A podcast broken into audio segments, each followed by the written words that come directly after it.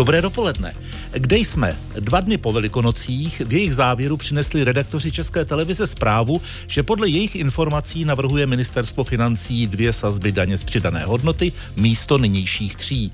V úterý ráno pak přichází 77 starostek a starostů do kanceláří, zapínají počítače a v elektronické poště nacházejí od ministra financí Stan Juris ODS mail. Píše jim, že u nich ruší územní pracoviště finančního úřadu.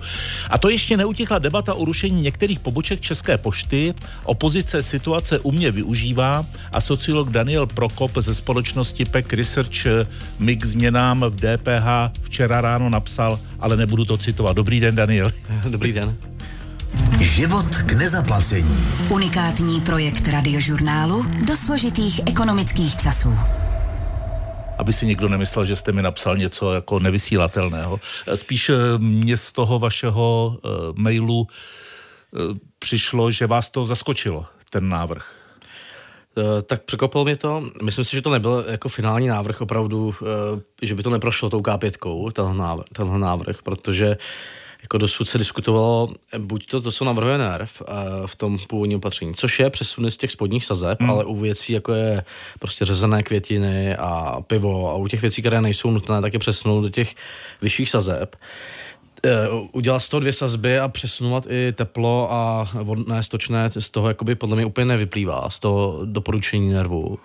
A nebo se, navr- nebo se diskutovalo to, co, o čem mluvila vláda před pár měsíci, že budou ty dvě sazby ale ta spodní bude kolem 12%. A tím, že potraviny půjdou do 12%, eh, potraviny jsou věc, která nejvíc eh, jakoby je sociálně citlivá v tom, že má, eh, nebo jedna z nejvíc, že má velký podíl výdajů, tvoří u chudých domácností. Takže to vykompenzuje těch 12% za potraviny, posun těch věcí do těch horních sazeb. A bude to hmm. opatření, které vybere třeba 5 miliard trochu navíc, ale bude to hlavně zjednodušení s, jako s neutrálním dopadem na ty chudší obyvatele. No a teď, když se z toho stane 24 miliard výběrů a posun uh, vodného, stočného, což jsou jakoby sociálně citlivé položky, za které dávají hodně peněz uh, relativně i ty chudší domácnosti, tak, uh, tak uh, když se posunou do vyšších sazeb a zároveň ta spodní sazba zůstane na 14%, což je v podstatě uh, 15%, jo, to nebude změna cen, tak to samozřejmě bude mít, bude mít dopady i na ty chudší obyvatele a je to věc, která uh, bych chtěla promyslet nějak. Jako no. Je to úplně jiný koncept, než uh, se hmm. diskutoval. Zatím nikdo nespochybnil, že by si ty údaje kolegové z České televize vymysleli. Znamená to, že takový návrh na ministerstvu financí spatřil světlo světa, eh, šel zřejmě do nějakého kolečka. Eh, když si vememe, vy jste mluvil o těch sociálně citlivých položkách, tam je jedna v takové té symbolické citlivosti a to je čepované pivo. Eh, oni už se ozvali třeba lidé z Českomoravského svazu mini pivovarů, kteří tu zprávu přijali s velkým rozhořčením.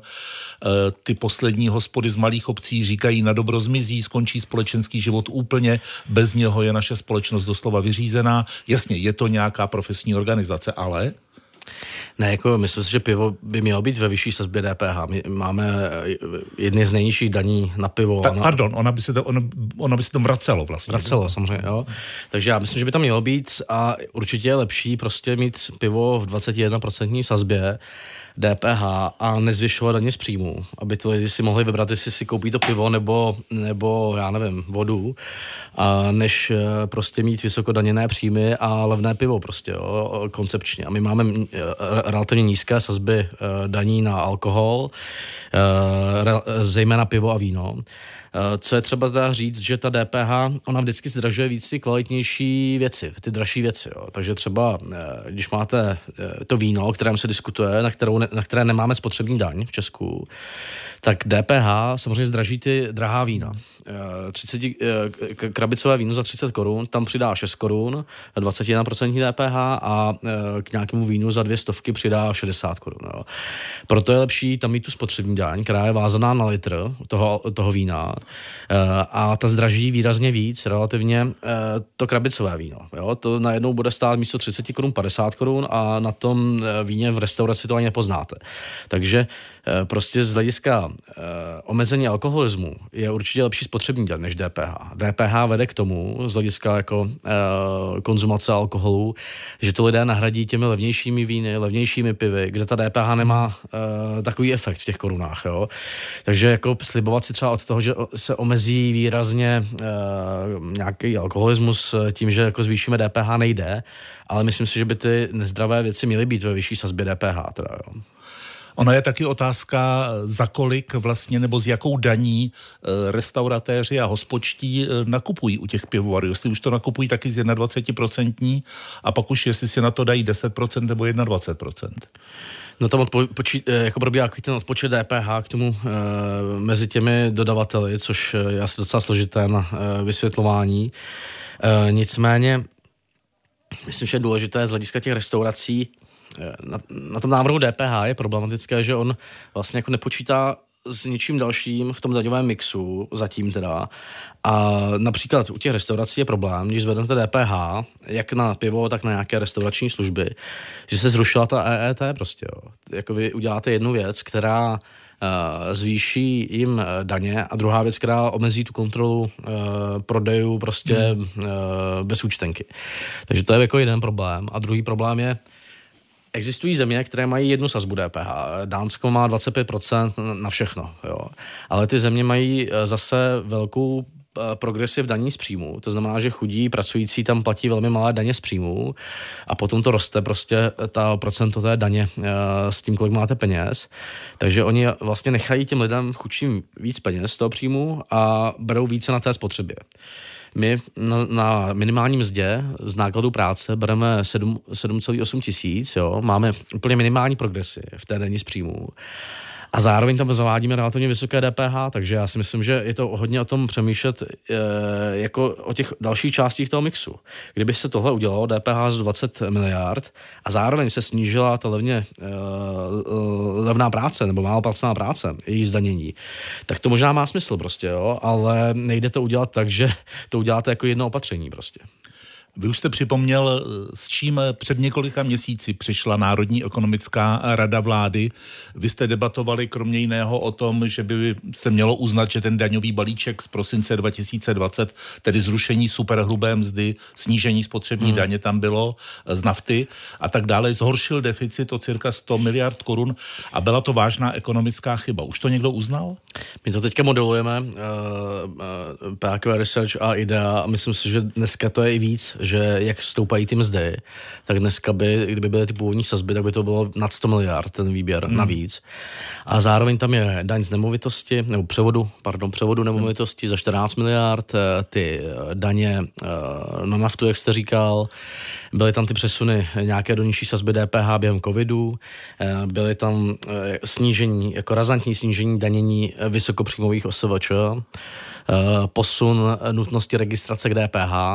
Takže spousta věcí, které dohromady dneska eh, by dali minimálně 150 miliard, jejich návrat, a pravděpodobně i víc. A jako smutné na tom je, že většina těch věcí prospěla hodně středně příjmové a vysokopříjmové části společnosti. A teďka hledáme opatření, jako to DPH, které to zvedne i těm nízkopříjmovým. Jo? Takže myslím si, že Není to nutné vracet úplně do původního stavu, ale mělo by se to vrátit do původního stavu v míře té progresivity eh, nebo ji i mírně navýšit prostě, jo. A ta základní otázka, kterou jsem kladl, uznal někdo z politiků, že to byla chyba? Tak myslím, že interně to všichni ví prostě. Eh, jo, nevím, možná to i veřejně uznali někteří. Oni ono... říkají, že byla jiná situace tak, samozřejmě no, to v roce 2020. No. Museli se vyhrát volby, v tom byla jiná situace, ale teďka, ale na druhou stranu ne všechny strany eh, v vládě proto hlasovaly. Jo? Proto hlasovala ODS a uh, iniciovala to spolu s nutím ANO, takže uh, nemůžeme vinit všechny uh, strany v té vládě za to. Dalo by se to ještě zvrátit zpátky? Já vím, že už jsem se jednou na to ptal, ale už jsme zase v jiné situaci. Já si myslím, že dát tam ty sazby, které byly v tom roce 2020, což dneska odpovídá asi 20% oproti 15 dnešním eh, z příjmu. A zároveň eh, dneska máme vyšší slevu na poplatníka. Dneska je přes 30 hmm. tisíc, tenkrát byla 24 tisíc tak kdyby se to vrátilo, tak se opravdu vybere i výrazně přes 100 miliard. Ale na druhou stranu my z toho, z té práce zaměstnanecké vybíráme relativně hodně.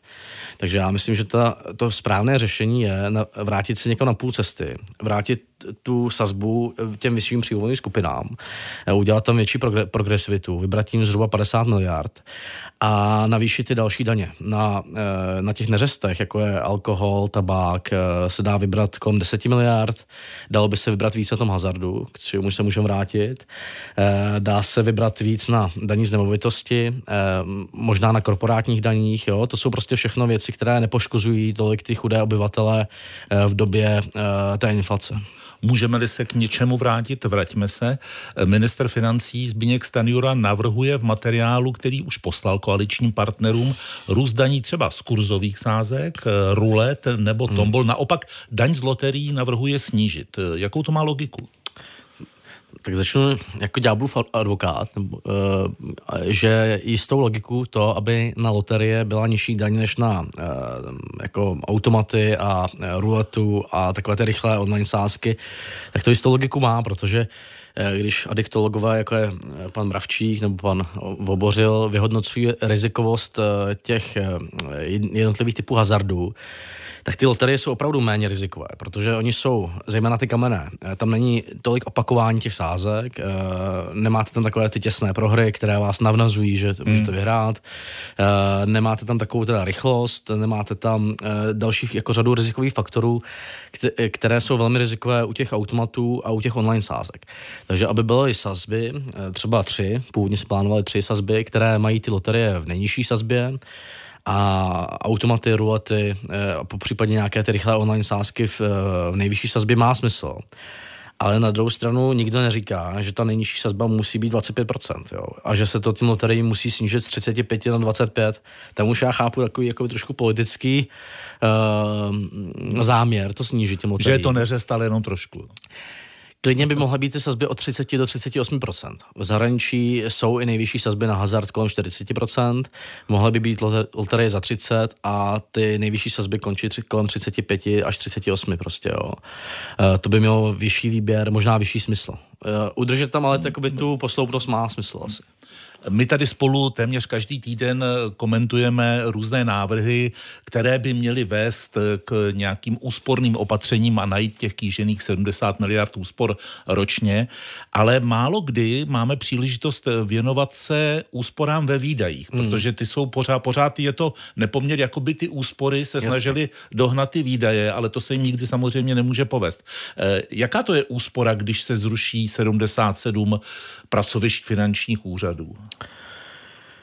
To teďka nevím přesně, protože uh, asi to budou uh, stovky milionů pravděpodobně, jako, hmm. uh, ale... Uh, Je jich 201 těch no. finančních úřadů, třetina se zruší.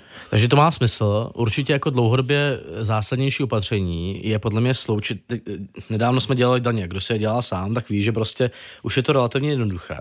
A největší uh, problém je, že musíte to poslat finanční správě, potom vlastně to samé uh, zdravotní pojišťovně a to samé správě sociálního zabezpečení. Jo. Tyhle tři výběry by se daly sloučit, mohla by to dělat celé finanční zpráva a poslat ty peníze eh, České zprávě sociálního zabezpečení a pojišťovnám zdravotním. To by ulehčilo lidem, eh, ulehčilo by to obrovsky prostě těm uh, úřadům dalším. No a potom ta česká zpráva, která dělá výběr toho pojistného sociálního a, a vydává ty důchody, tak by se podle mě mohla sloučit s úřadem práce, protože ona už by jenom vydávala ty důchody, nedělala by tam příjem. No a tím byste měl ze tří úřadů dva najednou prostě, hmm. jo. A vyřešil byste tím ty pobočky a vyřešil byste tím počet lidí na těch úřadech, jo. Tak to je zásadní reforma. Ne podle mě jakoby škrtat ty úřady, ačkoliv eh, možná je to dobře, prostě, když nejsou potřeba to na tom šetřit, jo. Nicméně myslím si, že zásadní, že tam jsou takové dva druhy úspor. Jedny jsou jako hodně rychlé můžou být rychlé. A to jsou nějaké škrty v těch dotačních programech, které jdou v Česku i jako zemědělcům, eh, velkým firmám a podobně. A jsou to, eh, my hodně dáváme do podpor spoření. Takže máme 5 miliard v podporách stavebního spoření a kolem 10 až 15 v podporách třetího pilíře. Takže tam jako bude hodně podle mě to omezit a zefektivnit. Potom jsou daňové slevy asi za 15 miliard, kde, které se dají omezit. Tak to jsou takové ty rychlé věci a potom jsou reformy, které jsou zásadní pro omezení výdajů v České republice. A podle mě jsou dvě takové zásadní a to je jednak prevence ve zdraví, o které jsme mluvili. Tam jde spousta prostě miliard ve zdravotnictví je dané tím, tím špatným životním stylem a tím, že lidi nechodí na preventivní kontroly. A druhá ta věc je, že máme obrovsky decentralizovanou státní zprávu a samozprávu. Máme prostě 6 000 obcí a z toho velká část má tu samozprávní funkci v Dánsku, v Holandsku a podobně, tam to vlastně vede zhruba 200 uh, obcí, jo, které spravují to území ve větším celku. A to, že my to máme takhle fragmentované, má spoustu negativních důsledků. Vzdělávání, obrovské náklady, to, že si každá škola řídí, prostě každá obec řídí to vzdělávání úplně autonomně. E, doktoři e, nám říkají, že vlastně už dneska praktici nechtějí dělat takové ty single-handed praxe, kde jsou sami na té vesnici. Že by to mělo být v ORP, v té větší obci, kde jich je víc. No a potom třetí věc, eh, ty obce mají spoustu peněz na účtech dneska. Oni to nedokážou proinvestovat, protože když dáte každé obci, eh, těm, já nevím, tisícům obcí, dáte trochu peněz každé, tak každá ta obec čeká, až si našetří prostě na tu čističku tím pádem jakoby žádná to neutrácí, když to hmm. přeženu. Jo? Kdybyste to dal těm obcím rozšířenou působností, těm 206, tak oni tam udělají nějakou prioritizaci výdajů v tom širším regionu a postaví jednu čističku, druhou čističku, třetí čističku. Jsem si vybral nejtěžší slovo, eh, ale eh, prostě, když to dáváte po těch malých eh, částech všem obcím, tak to strašně brzdí ty investice v těch regionech. Takže to má to spoustu nevýhod. Ztratili jsme tím, už jenom tím, že tam leží ty peníze na těch účtech, a znehodnotila je inflace, tak to je ztráta prostě miliard korun v, česk, v, tom, v těch rozpočtech. E, takže tohle je zásadní reforma, ale to neuděláte za rok. To je prostě na promyšlení a e, možná do dalšího funkčního období e, nějaký plán a tak. No. Posloucháte rozhovor o život k nezaplacení se sociologem Danielem Prokopem ze společnosti PEC Research. Už jsem se sám začal divit, že si povídáme téměř 20 minut, ještě jsme neřekli nic o důchodech. Vláda má v Dubnu představit základní body důchodové reformy. Jednou z těch zvažovaných variant je zvýšení věku odchodu do důchodu. To by znamenalo, že by mladí lidé šli do penze v 68 letech v závislosti na náročnosti či typu práce a taky na počtu dětí. Většina Čechů s tím ale nesouhlasí. Ukázal to průzkum agentury Median pro radiožurnál. Hmm. Tedy vaše konkurenční firma, to nevadí, vy byste nám asi ukázali to tež. Jo, já jsem tam pracoval a vážím si kolegů, jsem rád, že to dělají. Jak to, že tolik lidí s tím nesouhlasí? Je to zase špatná komunikace ze strany navrhovatelů? A nebo takové to iracionální, všude je to doprovázeno obrázky nynějších seniorů, i když hmm. jich se to netýká? Tak ale jako pointa je, že eh, ta veřejnost nesouhlasí ani s jedním těch řešení. Jo? Se zvýšením daní, aby to bylo zaplaceno ze zvýšených odvodů, taky nesouhlasí a s tím, aby se snižovaly ty důchody, taky nesouhlasí. E, takže prostě jakoby je tam pár řešení, s kterými by souhlasili podle mě lidé, jako omezení těch předčasných důchodů, nebo to, že aby byli lidé motivovaní pracovat, jo? aby se snížily vaše odvody, když dosáhnete toho důchodového věku a měl byste motivaci pracovat. To jsou takové jako prostě win-win řešení, které prostě nepřinášejí nikomu neprospěch, kde by asi většina lidí souhlasila. Ale jinak s, s těmi zásadními řešeními uh, vlastně vždycky se dotýkají jiné skupiny. Ty prodloužení důchodů se dotýká budoucích důchodců. To je nejcitlivější pro populaci kolem 40 let dneska. Zvýšení odvodů se dotýká všech zaměstnanců, zvýšení uh, snížení důchodů, valorizací se dotýká těch současných důchodců. Takže vy, vy musíte vybalancovat tyhle uh, opatření tak, aby měli, uh, aby zatěžovali podobně silně uh, všechny ty skupiny společnosti. Jo? Abyste aby prostě to byly tři uh, relativně slabé nesouhlasy a, a místo jakoby zatížení jedné části společnosti. Jo, třeba když se dá všechno do toho zvýšení odchodového věku, tak uh, zatížíte ty lidi, tu budoucí generaci. No a doplatíte na to tím, že to příští vlády zruší, jo? protože je to něco, jako byste si půjčoval na dluh. Děláte, neděláte ty ne, neoblíbená opatření, které mají efekt dneska, to znamená třeba zvýšení odvodu OSVČ, prostě, aby se taky podíleli na tom financování více ale odkládáte to řešení do budoucnosti tím, že jakoby tam dáte tam automat zvyšování odchodového věku. Takže určitě je potřeba, ale nesázal bych jenom na to. Prostě jednotno to rozprostřít mezi ty tři řešení, aby to zatížilo eh, všechny ty generace a eh, části společnosti podobně. A možná si jako krok číslo jedna udělat eh, zevrubnou validní analýzu dopadů jednotlivých kroků. Eh, taky, ale určitě je taky potřeba zkoumat ty motivace. Jo. My třeba e, děláme to, že snížíme odvody lidem, kteří jdou, by mělo jít do důchodu a berou důchod, ale vláda by měla mít výzkumy, jako dělá Median třeba, kolik lidí bude motivováno odložit si ten důchodový věk, pokud tam budou platit hmm. o pět tisíc míň na daních třeba, jo. Nebo kolik lidí dá do třetího pilíře peníze, pokud ten příspěvek bude mít nějakou výši. My všechno vlastně děláme, týká se to života lidí, jejich strategií a jejich rozhodování. A děláme to vlastně bez dat o tom, co oni zvažují při tom rozhodování. Daniel Prokop, sociolog ze společnosti PEC Research. Další rozhovor v cyklu Život k nezaplacení. Danieli, děkuji, hezký zbytek dne, nashledanou. Díky.